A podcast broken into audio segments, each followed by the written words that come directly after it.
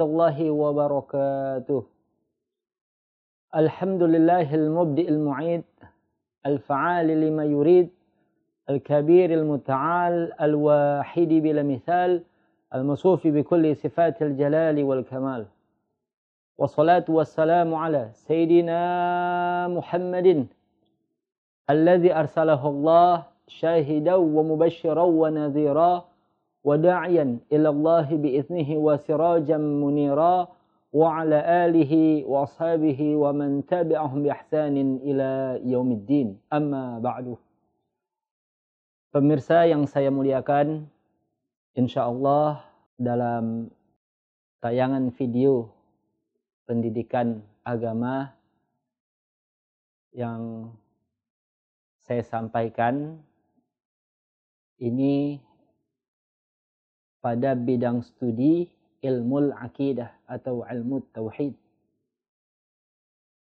Jadi bila sebelumnya kita memperoleh kajian keagamaan dalam ilmu fikih, tasawuf dan hadis, insya Allah yang diberikan kepada saya yakni materi tentang ilmu tauhid.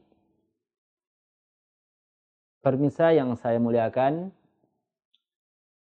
tentang ilmu tauhid di mana makna tauhid itu sendiri kita bisa lihat yakni definisi yang diberikan oleh para ulama di antaranya dalam kitab Syarah Sawi syarah dari Al-Imam Syawi ala Jawharatul Tauhid pada halaman ke-60 itu ada disebut dijelaskan beliau menjelaskan definisi apa itu tauhid. Yakni yang disebut tauhid adalah ifradul ma'bud bil ibadah ma'tiqadihi ma'tiqadi wihdatihi zatan wa sifatin wa af'alan. Yang disebut dengan tauhid adalah mengesahkan Allah Subhanahu wa taala dalam ibadah dengan mengiktikadkan keesaannya mulai dari zatnya, sifat dan perbuatan perbuatan Allah Subhanahu wa taala. Jadi ketiga unsur ini penting hadirin mulai dari yakni uh, zat, sifat dan af'al karena mentauhidkan Allah dalam masalah zat di sini hadirin pemirsa sekalian yakni Allah itu esa. Dia tidak terbagi tidak terdiri dari unsur-unsur. Misal kalau kita katakan jam ini satu ini satu sebuah jam. Dia hakikatnya tidak satu. Kenapa? Karena dia terdiri dari unsur-unsur ada yakni tali jamnya, ada baterainya, ada jarumnya dan lain sebagainya. Allah tidak demikian. Allah tidak sama dengan makhluknya. Wa kullu ma khatar bibalik Allahu bi khilafi dzalik. Tiap apa yang terlintas di benak kita tentang Allah, Allah tidak seperti yang demikian. Kemudian masuk kepada yakni sifat-sifatnya pun demikian. Seperti Allah memiliki sifat mengetahui. Makhluknya pun manusia ada sifat mengetahui. Beda. Antara Allah dan makhluknya mukhalafatul hawadis. Laisa kamitslihi syai' kita punya pengetahuan, sifat mengetahui kita ini terbatas. Bahkan pengetahuan kita pun sumbernya dari Allah Subhanahu wa taala. Sebagai contoh Contoh hadirin pemirsa sekalian, ini di tembok sebuah rumah, kita yakin di dalam tembok ada pasir. Tapi ketika ditanyakan berapa butir pasir yang ada di tembok rumah kita tersebut, sudah tak tahu kita. Bahkan Allah berapa butir pasir di seluruh permukaan bumi, Allah mengetahui jumlahnya. Berapa helai dedaunan yang berguguran setiap hari Allah mengetahui bilangannya. Bahkan lintasan hati kita pun Allah mengetahui. Sepuluh tahun ke depan kita akan berbuat apa? Allah mengetahui. Tidak ada yang tersembunyi dari pengetahuan Allah Subhanahu wa taala. Af'alnya pun demikian. Nah, itu apa yang disebut dengan yakni tauhid. Ya, yakni dengan i'tiqad wahdatihi. Jadi selain mengesahkan penyembahan pada Allah, artinya kita berbuat suatu ibadah semata-mata untuk ridha Allah, pun kita harus beriktikad akan keesaan Allah pada zat, sifat, dan af'alnya atau perbuatannya. Adapun ilmu tauhid, pemirsa sekalian, ah, ada perbedaan dengan makna tauhid itu sendiri. Ilmu tauhid ini bisa kita lihat pula dalam yakni uh, kitab Tuhfatul Murid yang ditulis oleh Al Imam Al Bajuri dalam kitab Tuhfatul Murid pada halaman ke-38 beliau mengatakan ilmu tauhid itu adalah ilmun yuqtadaru bihi ala isbati al-aqaid diniyah min adilatiha al-yakiniyah. Suatu ilmu yang dapat menjadi sebab kokohnya akidah. Ya. Akidah keagamaan yang diambil dalilnya itu atau bersumber dari dalil-dalil yang bersifat pasti. Al-yakiniyah yakni yang bersifat pasti. Jadi dalam akidah ahlu sunnah wal jamaah ya ilmu tauhid juga disebut sebagai yakni uh, ilmu kalam ya kalau disebut ilmu tauhid karena ilmu ini intinya yakni ilmu dalam mengesahkan Allah Subhanahu wa taala. Ya, bagaimana pembelajaran supaya kita cara kita mengesahkan Allah Subhanahu wa taala. Itu maka disebut dengan ilmu tauhid. Disebut yakni ilmu kalam karena dalam menjelaskan hal itu semua diperlukan suatu kalam pembicaraan yang lurus, yang benar. Demikian, ya. Dan juga yakni disebut pula ilmu akidah. Disebut juga ilmu akidah atau ilmu usuluddin. Ilmu usuluddin yakni karena mengupas dari pokok-pokok syariat tentang keyakinan, akidah, iktikad, seperti apa seharusnya seorang muslim itu beriktikad. Maka disebut dengan ilmu usuluddin. Nah, dalam pembelajaran yakni akidah ahli sunnah wal jamaah, ilmu tauhid ini ada dibagi tiga yang pertama ada uh, ilahiyat. Ilahiyat kita mempelajari sifat wajib, sifat mustahil dan jais bagi Allah Subhanahu wa taala. Kemudian ada nubuwat. Ilahiyat, kemudian nubuwat. Nubuwat ini kita mempelajari sifat wajib, sifat jais dan mustahil bagi para nabi dan rasul. Kemudian ada yang disebut dengan sam'iyat. Ya, ada juga pembagian yakni sam'iyat. Sam'iyat ini apa makna sam'iyat?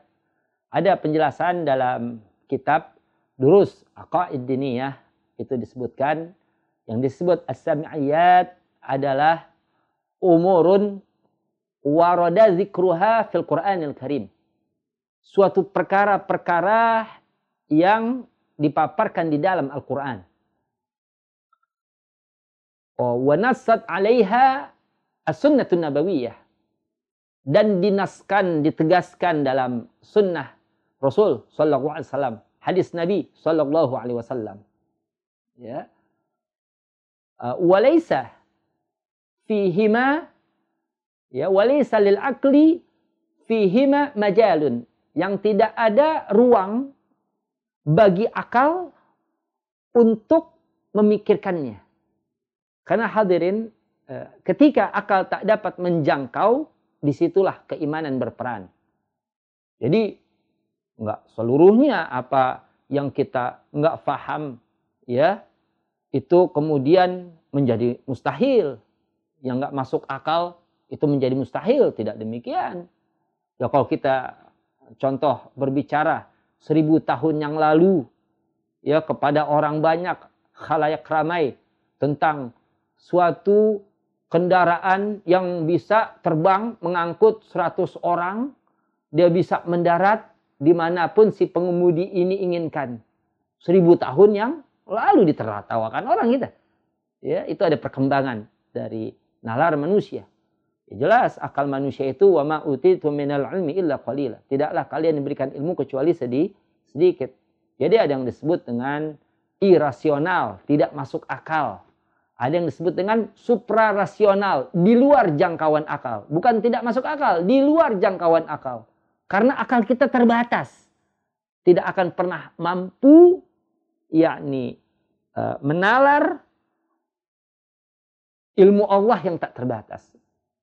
Ya hadirin sekalian. Ya bagaimana mungkin hujan deras hanya di, kita tampung dengan beberapa ember? Tak mungkin, ya. Nah, ini.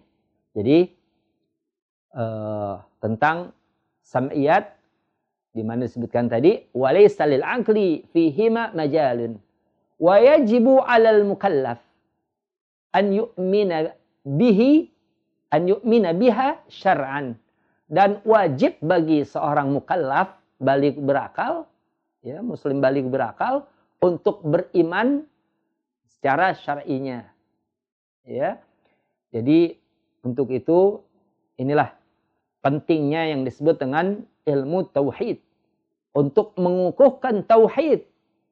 Kenapa pemirsa sekalian? Karena muaranya amalan soleh adalah akidah. Kita beramal soleh, kita berbuat kebaikan, kita sholat, puasa, dan lain sebagainya. Ini muaranya adalah iman, akidah. Ya, itikot kita kepada Allah Subhanahu wa taala di suatu subuh yang dingin, hujan pun turun, ingin luar biasa, ada orang yang masih membawa payung menuju masjid. Apa yang hendak dicapai oleh dia? Ya. Tentu jika bukan iman, dia tak akan bersusah payah menuju masjid saat cuaca sedang tidak bersahabat ketika itu. Nah, iman yang menggerakkan semua daripada amalan soleh. Jadi penting pengetahuan akidah. Ya, mempelajari ilmu tauhid untuk mensahkan daripada kita punya amalan. Karena memang yakni pemirsa sekalian eh, pada masa kita sekarang ini Masya Allah kita kudu berhati-hati ya. Eh, banyak sekali faham-faham yang justru gampang atau mudah mengkafirkan sesama mukmin. Mereka yang demikian mereka tak faham tentang masalah akidah. Kenapa? Ini bahaya mengkafirkan sesama mukmin. Hanya masalah khilafiyah. Masalah yang bersifat furu bukan usul di dalam agama. Karena memang dia tak faham mana usul, mana furu. Ya, furu dianggap usul seluruhnya. Tidak demikian.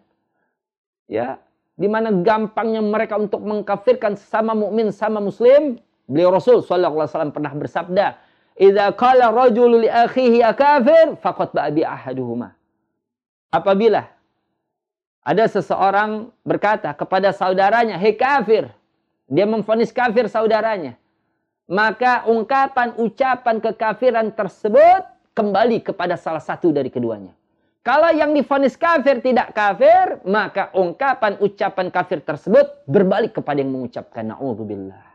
Bisa jadi dia menemui yakni akhir hidupnya dalam su'ul khatimah.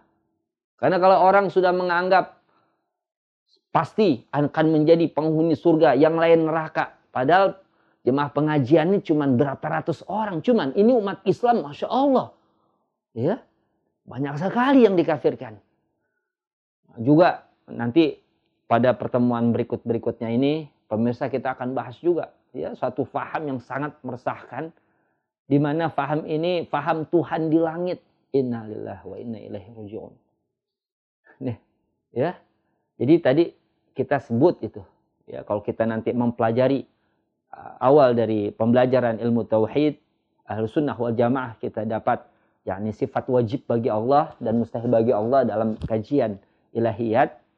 Ya bahwa Allah uh, kiamuhu ta'ala binafsih ya qiyamuhu binafsih artinya la yaftakir illa mahallin wala mukhassis. Allah tidak membutuhkan tempat bagi zatnya dan pula penciptanya dibilang Tuhan di langit. Masya Allah. Ya nanti dalil-dalilnya akan kita bahas dari Al-Quran maupun As-Sunnah ya. Ya ya untuk sementara antum bisa katakan kepada orang yang berfaham seperti itu Tuhan di langit. Katakan ini pakai dalil akli dulu belum nakli. Ya. Allah dan langit duluan mana? Eh, duluan. Allah tentunya Allah qadim. Ya Allah qadim kenapa adanya Allah tidak diawali dengan ketiadaan Allah tidak pernah tidak ada bahkan adanya Allah telah ada sebelum kata ada itu ada Berbeda dengan makhluknya. Makhluknya pernah tidak ada, dicipta Allah menjadi ada. Jadi pemirsa sekalian yang disebut dengan yakni uh, langit dulu pernah tidak ada. Dulu pun sebelum Allah ciptakan langit, Allah tak memerlukan langit sebagai tempat bagi zatnya. Bagaimana mungkin Allah di langit?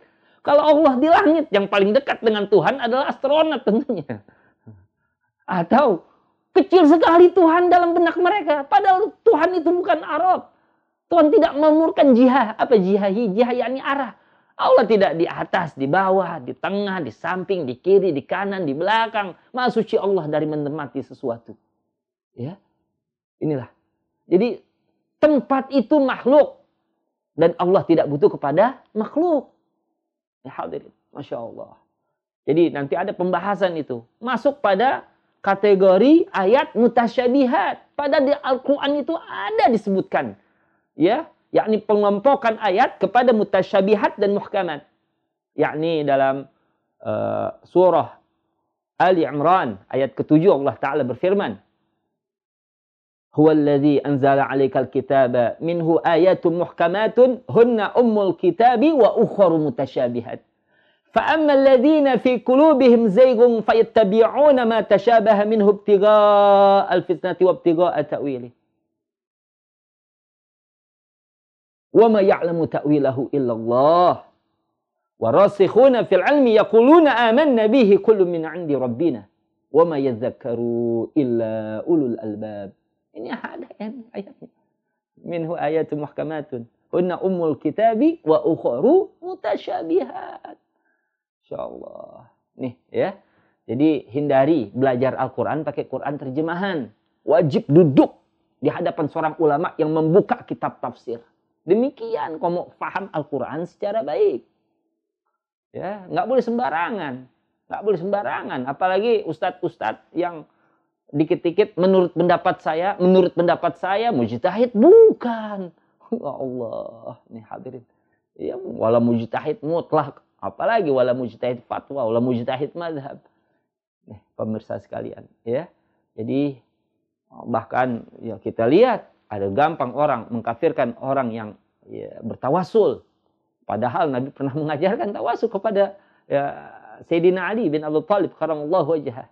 Ya, dalam satu doa yang diajarkan Nabi, Allahumma inni as'aluka wa atawajjahu ilaika binabiyika Muhammadin nabiyyir rahmah. Binabiyika Nabi nabika. Isti'anah ini tawasul. Ya, setiap uh, yakni umumnya di Indonesia kaum ahlu sunnah wal jamaah kalau mau buka taklim sangat familiar sekali ya satu tawasul yang dibaca yakni seperti yang kita sering dengar Ya Rabbi bil Mustafa balligh maqasidana واغفر لنا ما مضى يا واسع الكرم يا رب ya ya Rob bil Mustafa dengan berkat al Mustafa Jadi nabi sebagai sebutan, bukan nabi yang dipinta. Ini yang disebut dengan tawasul. Ya. Enggak. Sebab tawasul itu mirip orang-orang musyrik. Orang musyrik itu pernah mengatakan ada di dalam Al-Qur'an mana buduhum ya ma, ma na'buduhum illa liyuqarribuna ilallahi zulfa. Kami tidak menyembah berhala-berhala kecuali hanya untuk mendekatkan kami kepada Allah sedekat-dekatnya. Hanya sebagai perantara. Siapa bilang? Siapa bilang mereka menjadikan berhala sebagai perantara? Justru berhala itu yang mereka sembah. Itu orang-orang musyrik. Ya. Maka dalam ayat lain ya bisa bertabrakan kalau difahami secara literal itu tadi. Ya, dalam satu ayat Al-Qur'an pula Allah berfirman, "Wala tasubbul ladzina yad'una min dunillahi fayasubbullaha adwan bighairi 'ilm." Jangan kalian mencaci maki berhala yang mereka sembah. Maka mereka akan balas mencaci Allah dengan kelewat batas. Kalau Allah disembah, bagaimana mungkin Allah dicaci maki oleh orang musyrik? Seperti itu fahamnya. Ya. Bahkan dalam suatu peperangan kita mengatakan Allahu Akbar. Ahadun ahad. Apa orang musyrik mengatakan dahulu? Ketika perang, U'lu hubal, u'lu hubal, tinggikan hubal, tinggikan hubal. Kita bilang Allah Akbar u'lu hubal. Jadi sebenarnya siapa yang dia sembah? Eh, tentu jelas, berhala bukan Allah. Tapi ada lagi ayat Al-Quran Ustaz. Ya, bahwa orang musyrik memang ya, mengakui bahwa Allah lah pencipta. Itu karena kepepet. Ya, seperti ayat dalam surah Luqman ayat 25. Allah Ta'ala berfirman, Wa in sa'altahum man khalaqas samawati wal arda la Allah. Sungguh jika engkau bertanya kepada mereka, yakni orang-orang musyrik kalau kita tanya nih. Ya, siapa yang menciptakan langit dan bumi? Pasti mereka akan menjawab Allah. Menciptakan langit bumi Allah, tuh kan? Ya. Mereka itu sebenarnya bertauhid. Siapa bilang? Kita kalau sebut seorang itu musyrik, berarti dia bukan orang mukmin. Kok kita sebut orang mukmin, berarti dia bukan orang musyrik. Tanakut namanya kalau dua-duanya. Nggak mungkin kita bilang kucing diam tapi bergerak. ya. Uh, kucing diam tapi bergerak. Nggak mungkin. Kalau kita bilang diam berarti dia tidak lagi bergerak. Kalau kita bilang bergerak dia tidak lagi diam. Harus seperti itu. Nah jadi ini pemahaman-pemahaman ini harus dijelaskan. Maka insya Allah yakni uh, pemirsa sekalian kitab yang menjadi pegangan kita yakni kitab uh, Aqidatul Awam. Ini sudah sangat masyhur sekali di kalangan pelajar ahlu sunnah wal jamaah. Insya Allah mudah-mudahan Allah beri kemudahan. Di mana kitab Aqidatul Awam ini ditulis oleh seorang ulama besar yang hidup di akhir abad ke-18 atau awal abad 19. Tepatnya beliau lahir pada tahun 1790 ya 1790 yakni Syekh Ahmad Al-Marzuki Al-Hassani.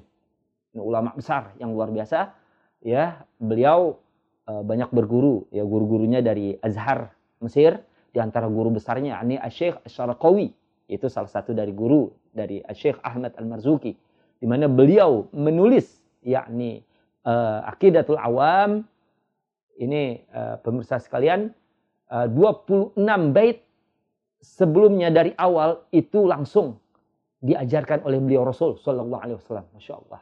Dalam mimpi beliau bertemu dengan Nabi. Ya, ada di mukaddimah beliau menceritakan sendiri tentang mimpinya dan mimpi itu al-busra, ya, ru'ya busra uh, minallah. Tentu ya, mimpi orang-orang para wali Allah tidak seperti kita umumnya mimpi mereka. Ya.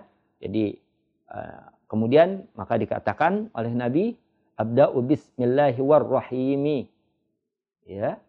Ila akhir di mana uh, terus diucapkan kembali oleh Syekh Ahmad Al-Marzuki. Uh, kemudian dari bait kedua tujuh sampai habis, beliau sendiri yang melengkapinya. Dan kita pakai tentu syarah penjelasan dari kitab tersebut, yakni Jala'ul Afham Syarah Aqidatul Awam yang ditulis oleh ulama besar ahlu sunnah wal jamaah yang tak asing lagi. Siapa? Profesor Dr. As-Sayyid Muhammad bin Alawi bin Abbas Al-Maliki Al-Hasani. Insya Allah. Ini luar biasa. Ya, multidisipliner, mutafannin. Ya, berbagai ilmu disiplin syariat dikuasai. Ulama besar. mungkin kita tidak lagi mendapati orang yang sepadan beliau. Said Maliki, terkenal nama beliau di negeri kita ini. Masya Allah, murid-muridnya itu ya seantero bumi ini tersebar ya di mana Jalul Afham ini betul-betul satu syarah yang luar biasa yang beliau tulis beliau pun menulis ada dalam bidang akidah seperti kitab Mafahim Yajib Antusoha ini satu argumentasi yang beliau paparkan yang tak terbantahkan sampai saat ini jadi kalau antum lihat yakni di YouTube itu banyak tukang-tukang ceramah mengkafir-kafirkan beliau karena memang ilmunya ini kerdil pemikirannya ilmunya cetek, kerdil, ya, yang dikafirkan ulama besar ahlu sunnah. Coba ulas mafahim yajib antusoh yang beliau tulis itu ulas coba. Bisa gak? Coba bantah. Sampai saat ini nggak ada yang berani bantah itu. Insya Allah ini mafahim yajib antusoh. Ada dalam bidang yakni ulumul Quran, zubdatul itqan fi ulumul Quran. Ah, ada dalam uh, ilmu mustalah wal hadis, al-manhul latif fi usul hadis syarif. Ya, ada dalam usul fikih al-qaid al-asasiyah banyak sekali karya-karya beliau ya insya Allah akan kita yakni bahas uh, tentang biografi sedikit uh, pada pertemuan berikutnya dan semoga pemirsa yang saya muliakan sedikit pengantar kalam uh, dari kajian ilmu akidah ini semoga ada manfaat untuk kita semua dan semoga Allah wafatkan kita semua tetap dalam memegang teguh akidah ahlu sunnah wal jamaah. Sehingga Allah jadikan akhir hidup kita dalam husnul khatimah. In uridu illa al-islah, masata'tu wa ma taufiqi illa billah alihi tawakkaltu wa ilahi unib. Hadanallahu yakum ajma'in. Wassalamualaikum warahmatullahi wabarakatuh.